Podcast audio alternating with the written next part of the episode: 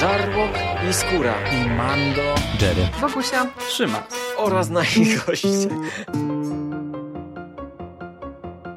Konglomerat podcastowy. Wasze ulubione podcasty w jednym miejscu. Zapraszamy. Zapraszamy. Zapraszamy. zapraszamy. Zapraszamy.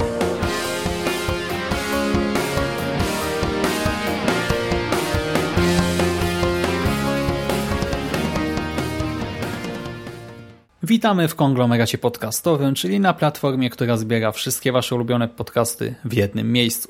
Po tej stronie mikrofonu witają się z Wami Szymon Szymaś-Cieśliński, czyli ja, cześć Wam i Michał Dżery-Rakowicz. Witam Cię Jerry. Witam Cię Szymas, witam wszystkich słuchaczy. Tak, nasz duet Jerry i Szymas, a więc ponownie komiks od Nonstop Comics.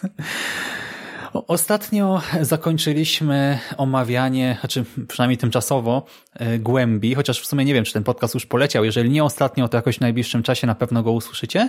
A dzisiaj chcielibyśmy zająć się finałem, tym razem już naprawdę finałem innej serii, a mianowicie komiksu Zabij albo Zgiń ze scenariuszem Eda Brubakera i rysunkami Shona Phillipsa oraz e, kolorami nałożonymi przez Elizabeth Brightweiser. Brubaker właśnie w przeciwieństwie do Toczciniego, a więc scenarzysty, może nie Toczciniego, yy, Remendera, a więc scenarzysty komiksu Głębia, nie pogrywa sobie ze swoimi czytelnikami, nie robi ich w konia i czwarty tom Zabij albo Zgiń, który miał być tym ostatnim, jest rzeczywiście finałem naszej serii, jest kresem przygód Dylana. Jest to tom dość tłuściutki, bo zbiera aż 6 zeszytów od 15 do 20 i pokazuje nam właśnie dalsze losy Dylana, czyli doktoranta, który pewnego dnia spotkał demona, a demon ten nakazał mu pod groźbą śmierci zabijać przynajmniej raz w miesiącu kogoś, kto nie zasługuje na dalsze życie. Dylan jest więc mścicielem, młodym mężczyzną, e, który zmaga się w zależności od punktu widzenia albo z infernalnym bytem, z jakąś siłą nadprzyrodzoną, albo z chorobą psychiczną i który dodatkowo jest prześladowany przez rosyjską mafię i miejscową policję, bo jednego z zabójstw dopuścił się na właśnie członku rosyjskiej mafii, no i policja też jest oczywiście na jego tropie. I na początku tego tomu e, chłopak na skutek pewnych wydarzeń trafia do szpitalu psychiatrycznego, gdzie właśnie wszędzie widzi demona oraz słyszy o występkach otaczających go ludzi. Nadal nie wiemy, czy to jest klątwa, czy choroba, ale no przynajmniej z mojej perspektywy to nie jest nic złego, bo to nie nudzi się, nie przeszkadza, a właśnie w moim przypadku wręcz przeciwnie, e, ten pierwszy zeszyt już bardzo skutecznie pobudził moją e, wyobraźnię, rozbudził ją i zbudował naprawdę mocne napięcie. Ja właśnie czytałem Głębiej Zabij albo Zgiń w tym samym czasie i tak jak ja Głębie sobie rozkładałem na kilka e, posiedzeń, bo no, co zeszyt miałem dość, tam sobie coś zanotowałem, odkładałem go na bok. E, tak Zabij albo Zgiń przeczytałem za jednym zamachem. W ogóle o ironio, jako doktorant czytałem Zabij albo Zgiń w, w no, w przychodni, w poradni zdrowia y, psychicznego, opieki psychicznej. No i y, właśnie, kurczę, ten komiks mnie wciągnął totalnie. Y, strasznie mi się podobało każda jedna strona. Tutaj czułem przeogromne napięcie. To było jak Hitchcock. Zaczęło się no, wybuchem, petardą, a zakończyło się taką już ogromną bombą i nawet właśnie no nie było tutaj słabszych momentów dla mnie. Ci bohaterowie z drugiego planu stają się tutaj w toku historii coraz bardziej istotni, wychodzą na pierwszy plan. Te wszystkie wątki dotychczasowe się ze sobą przeplatają. Jedni bohaterowie dopuszczają się zdrady, inni zawiązują niespodziewane, ale wiarygodne sojusze i sytuacja cały czas eskaluje, cały czas eskaluje, aż w końcu dochodzi do tego ostatecznego wybuchu. No i dla mnie to jest bomba. Wszystko naprawdę super.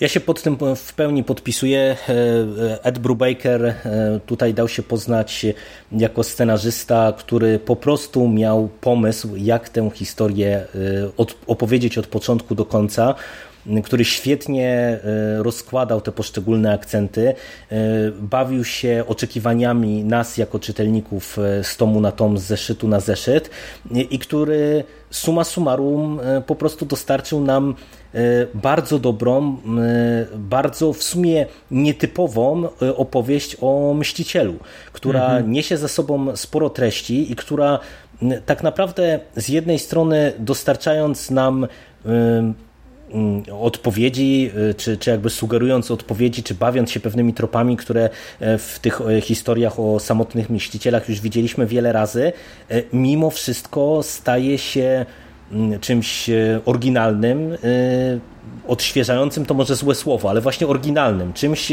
z czym nie mieliśmy w takiej formie chyba jeszcze do czynienia. I przede wszystkim to, co też wymaga podkreślenia, to jest to, że My po tym trzecim tomie, tak jak zresztą już po tych wcześniejszych, cały czas żeśmy się zastanawiali, jak poradzi sobie Brubaker z rozwiązaniem zagadki potwora.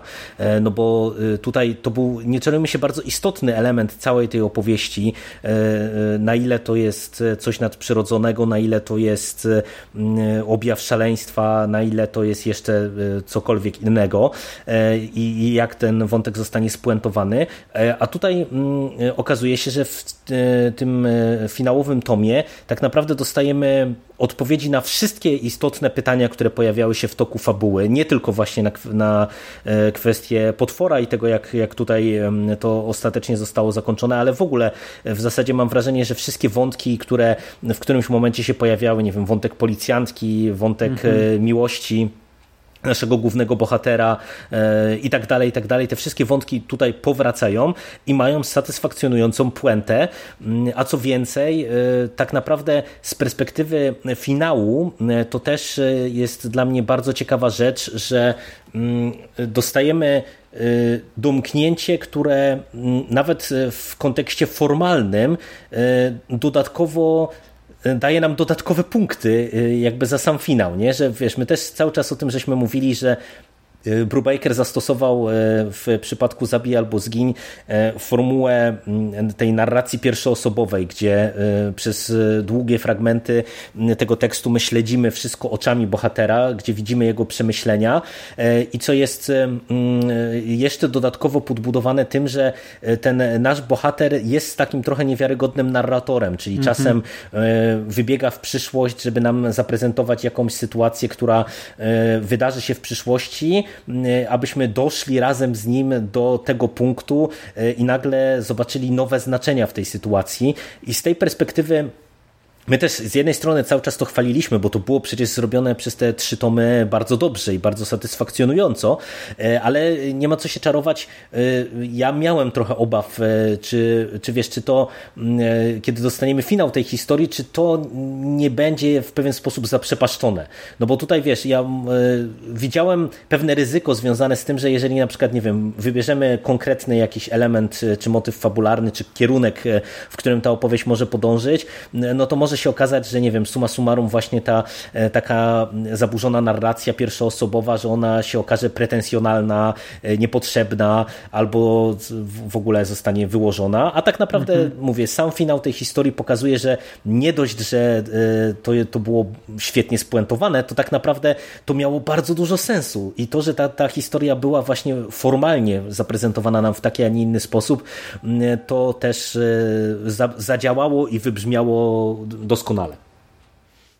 Dokładnie tak. Zatrzymajmy się może na chwilę przy tych obawach, bo tak jak my właśnie chwaliliśmy te poprzednie tomy, tak myślę, że chyba właśnie przy tym ostatnim już troszkę było czuć, że nie wiemy, e, czy to się skończy e, no tak jakbyśmy sobie tego życzyli, że właśnie zastanawiamy się na przykład, co będzie z tym wątkiem policyjnym tego naszego śledztwa, bo została zawiązana specjalna grupa mająca śledzić e, mieściciela i próbować go złapać i ten wątek też można było łatwo popsuć.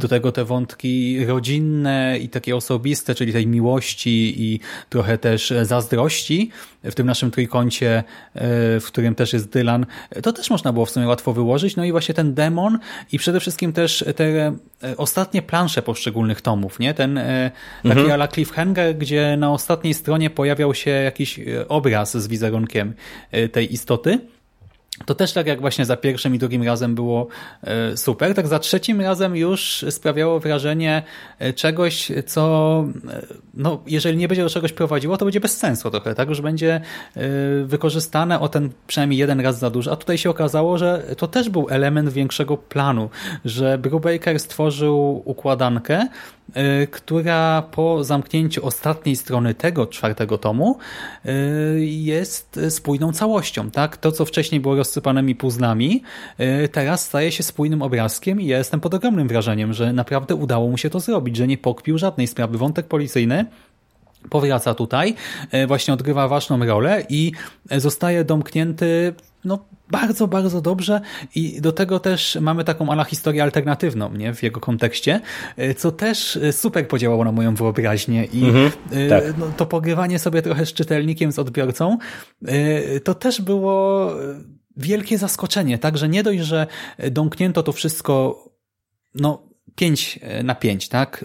E, to jeszcze e, tak naprawdę dajemy scenarzyście szóstkę, bo on nie tylko to właśnie dobrze domknął, ale jeszcze wycisnął z tego więcej. Pokazał nam coś, do, taki dodatek, który właśnie jeszcze podbija tę końcową ocenę. Wątek rosyjskiej mafii, on no, pamiętamy tę akcję tak, taką typową właśnie z filmów w historii o Mścicielu, nie? To, to całe właśnie dochodzenie do szczytu, tam rozwalanie tych kolejnych przeciwników.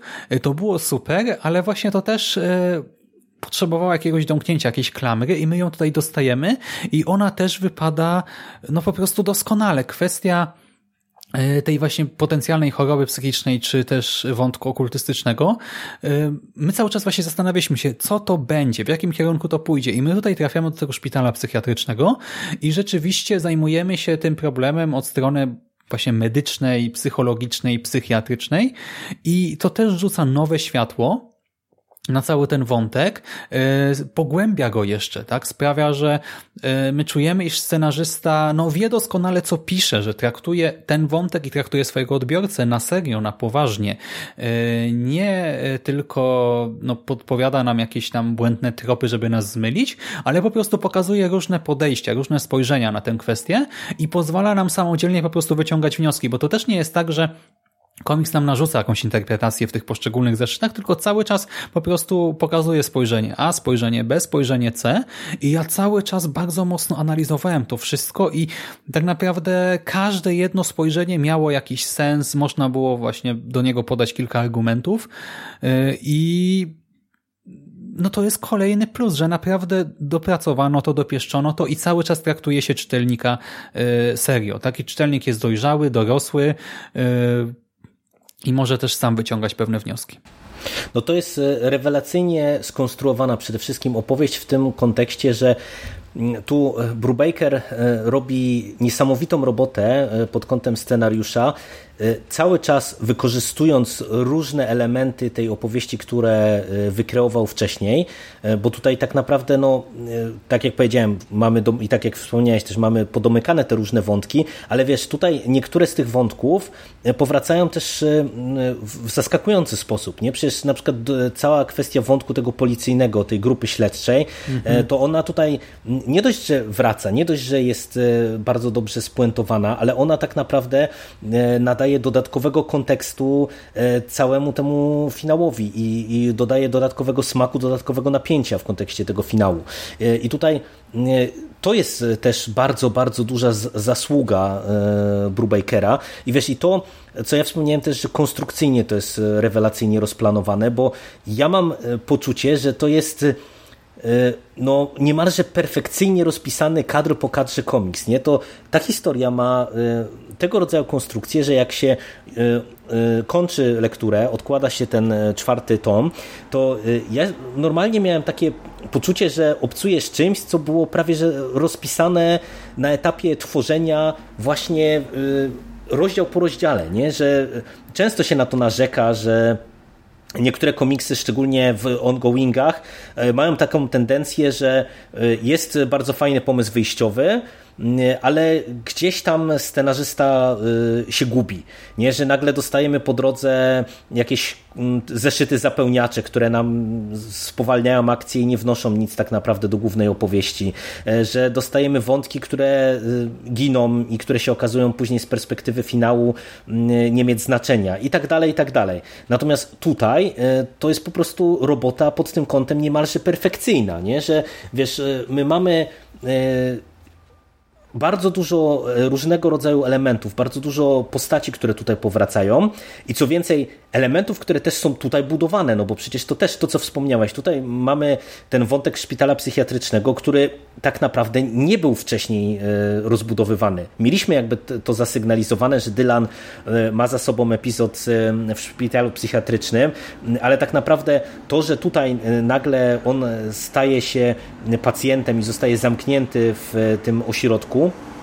To to nagle staje się też e, kolejnym e, ciekawie prowadzonym e, elementem tej, tej układanki, gdzie my z jednej strony możemy właśnie nadal sobie dywagować w kontekście tego wątku głównego, ale nawet wiesz, w kontekście tej historii Dylana jako mściciela, gdzie my z jednej strony widzimy, jak on śledzi poczynania mściciela, czy jakby wątek mściciela, który rozgrywa się w tej chwili zewnętrznie, a z drugiej strony, kiedy my widzimy jego jako bohatera, który przeszedł już określoną drogę, który podejmuje określone decyzje w związku z tym też coś, co się tu, tu i teraz toczy, nie? Więc to jest też dla mhm. mnie fenomenalna robota, nie? Że, że tutaj to nie jest tylko i wyłącznie właśnie spuentowanie tych poszczególnych wątków, ale do samego końca my mamy wprowadzone, wprowadzane nowe elementy, nowe y, takie puzelki, które po prostu w tym wielkim finale wszystkie wskakują na, na swoje miejsce po prostu w perfekcyjny sposób. Zgadzam się, zgadzam się całkowicie. I e, mamy całą masę zwrotów akcji. I to są zwroty akcji, które czasem naprawdę yy, może nie wywracają ten świat do góry nogami, ale sprawiają, że Ziemia się trzęsie w tym świecie przedstawionym, yy, ale nadal one są całkowicie spójne z tym światem, wynikają z bardzo konkretnych wydarzeń. Ewentualnie no są całkowicie wiarygodne, po prostu prawdopodobne w danej sytuacji to wzbudza masę emocji i powiem Ci, że też y, w moim wypadku pełne zaangażowanie.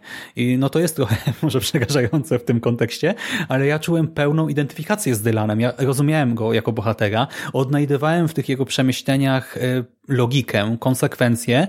Myśli Dylana to właśnie nie jest pseudofilozoficzny bełkot rodem z głębi y, Remendera, tylko taka krytyczna ocena otaczającej go, czy też otaczającej nas rzeczywistości, taka pesymistyczna, tak, trochę dekadencka, ocena świata wokół nas, czuć w tym to zmęczenie bohatera, tę jego trochę bezsilność, e, ale właśnie to jest strasznie spójne i nie ma w tym takiego patosu, nie ma w tym e, próby powiedzenia czegoś nowego, czegoś więcej, właśnie tworzenia jakiejś filozofii czy nowej psychologii. Nie, to jest po prostu taka, taki smutny rzut oka na rzeczywistość.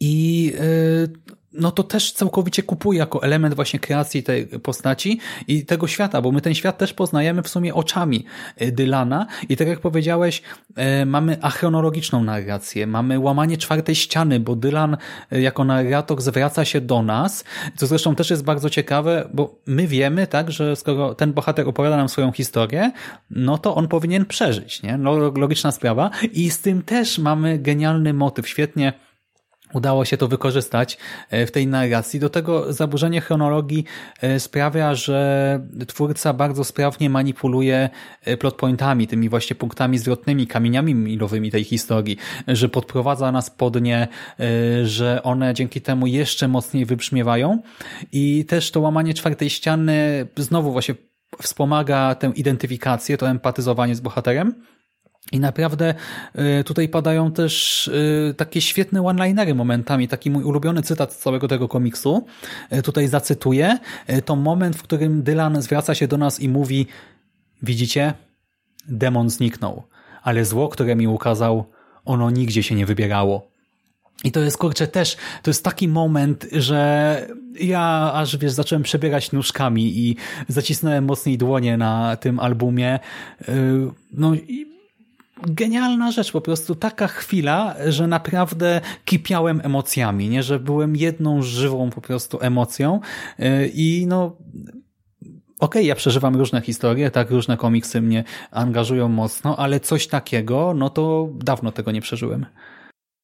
No, ja się tutaj w pełni zgadzam z, z twoją oceną, no to, to jest naprawdę y, rewelacyjny komiks, no nic, nic dodać, nic ująć. To jest je, je, jedna z ciekawszych serii w mojej ocenie w ogóle, która wyszła w ostatnich latach. I tak jak rozmawialiśmy sobie przy okazji Ricka Remendera i jego niskich lotów głębi, to wspominaliśmy tam, że to, to nędzne jego scenopisarstwo absolutnie nas nie zachęca, wręcz zniechęca nas do sięgnięcia po jego twórczość. Tak, no nie to, żeby mnie osobiście trzeba było zachęcać do Brubakera, przecież którego znam chociażby z rewelacyjnego Gotham Central, ale Mucha Comics wypuściła teraz chyba dosłownie w ostatnim czasie Criminal. jego Criminal mhm. i ja myślę, że ten komiks bardzo szybko też pewnie zagości na, na naszych łamach i, i pewnie sobie o nim podyskutujemy, no bo Widać, że to jest przykład scenarzysty, który wie, co robi, wie, jakie historie opowiadać, ale też co więcej, nie tylko ma pomysły, ale umie je po prostu świetnie przełożyć na satysfakcjonującą historię. A to jest równie ważne, jak wiesz, jak dobre scenopisarstwo bo, i dobre pomysły, bo dobre pomysły często przez właśnie e, mierne umiejętności i złe wybory mogą być e, gwoździem do trumny danej opowieści. Tutaj mamy absolutne tego przeciwieństwo. No i dobrze, skoro mówimy o realizacji, to przestańmy chwalić tylko Brubakera. Wspomnijmy, jeszcze o e, Seanie Phillipsie i o Elizabeth Breitweiser. E, w materii właśnie oprawy graficznej w sumie wiele się nie zmieniło, nie? To kolorystyka no nic się nie zmieniła. została zachowana no tak, i tak dalej. Tak, tak. Ale y, kurczę, y, ja, no może to jest znowu taki efekt y, kuli śniegowej, że przez to, że ta fabuła tak mnie wciągnęła, to i y, właśnie oprawa wizualna mi się bardziej podoba, ale ja byłem jeszcze bardziej zachwycony tym wszystkim, nie wiem, te sceny w szpitalu psychiatrycznym, to jak zostali ukazani ludzie pod wpływem leków, nie? I to jak właśnie to wpływa na narrację i też na styl graficzny i Potem znowu ten kontrast, y, gdy bohater już nie jest pod wpływem tych leków y, i do tego y, te sceny akcji w tych ostatnich zeszytach, ten właśnie wielki finał, ta nasza strzelanina, tu wszystko od strony właśnie stricte wizualnej, to ja się czułem, jakbym oglądał no, przegenialny film, taki naprawdę, gdzie każda klatka jest znacząca, jak powiedziałeś, nie, że każdy kadr tutaj jest ważny, każda strona. No i właśnie w tej narracji wizualnej już abstrahując od dialogów i rozbudowy y, no, tej fabuły, no to tutaj też same sceny akcji są tak świetnie narysowane, że autentycznie każdy strzał czułem. To nie tak jak zazwyczaj właśnie, nie wiem, jak czytam superhero, nie, że ktoś się tam nawala, budynki się walą, ale tak naprawdę no przewracasz stronę i masz to gdzieś tutaj każdy wystrzał broni, no huczało mi w wyobraźni. To jest, to jest o tyle ciekawe, bo my też e, mówiliśmy w kontekście E, warstwy graficznej o tym przy wcześniejszych tomach, że styl e, rysowania e, Shona Phillipsa, on jest taki trochę, wydawałoby się, statyczny.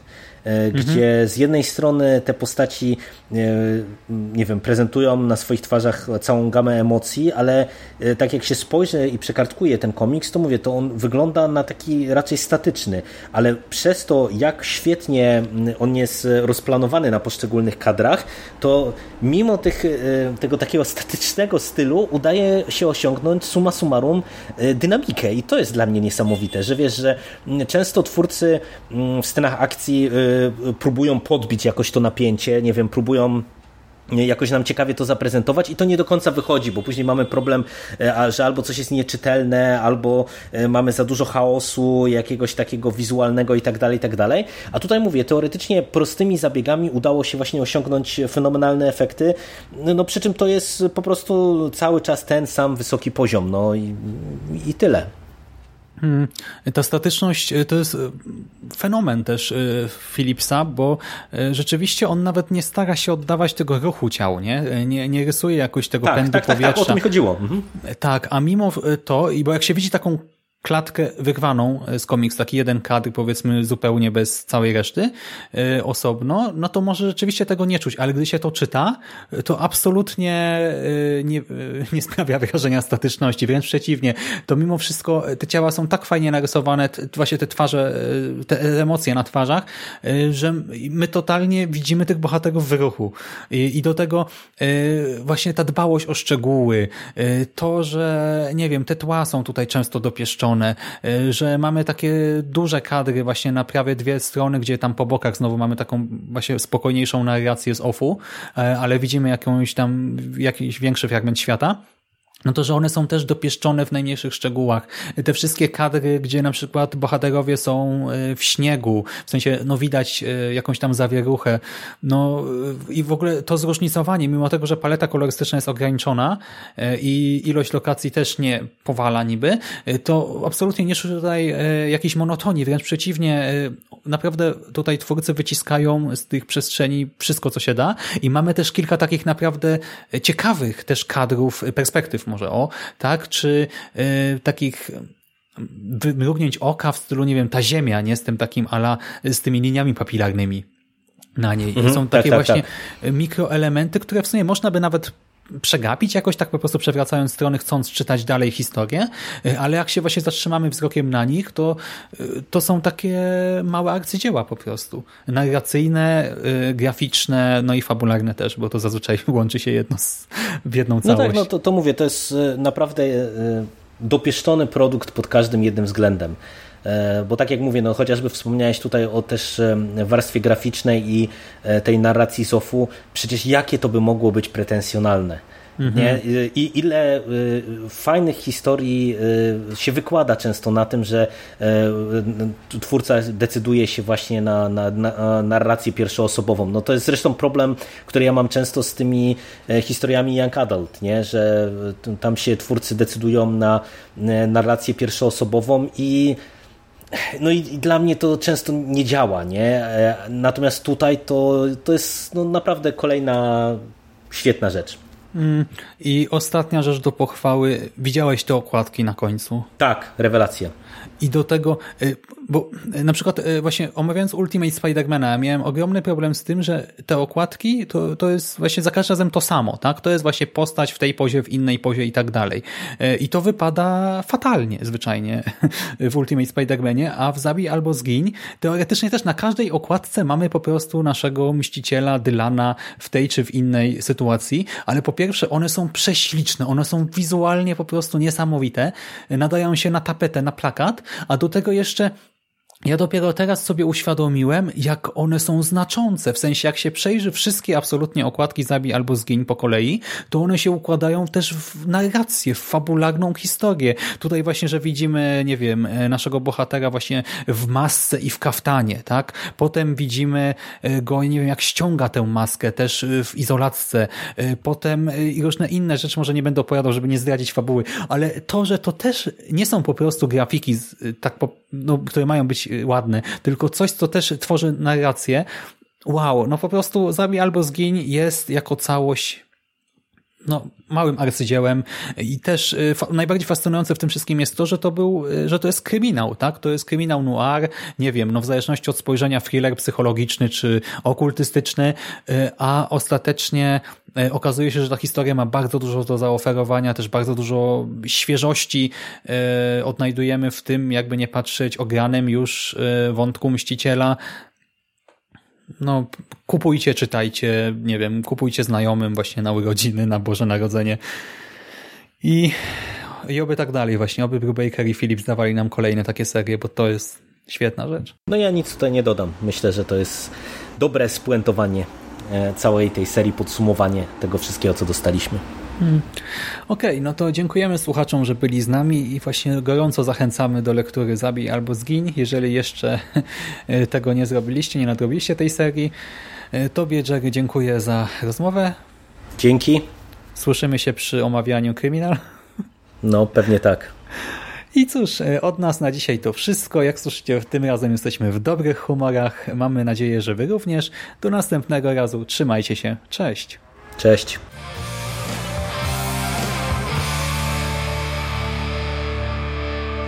Finished? That's it, man. Game over, man. It's game over. What the fuck are we gonna do now? What are we gonna do?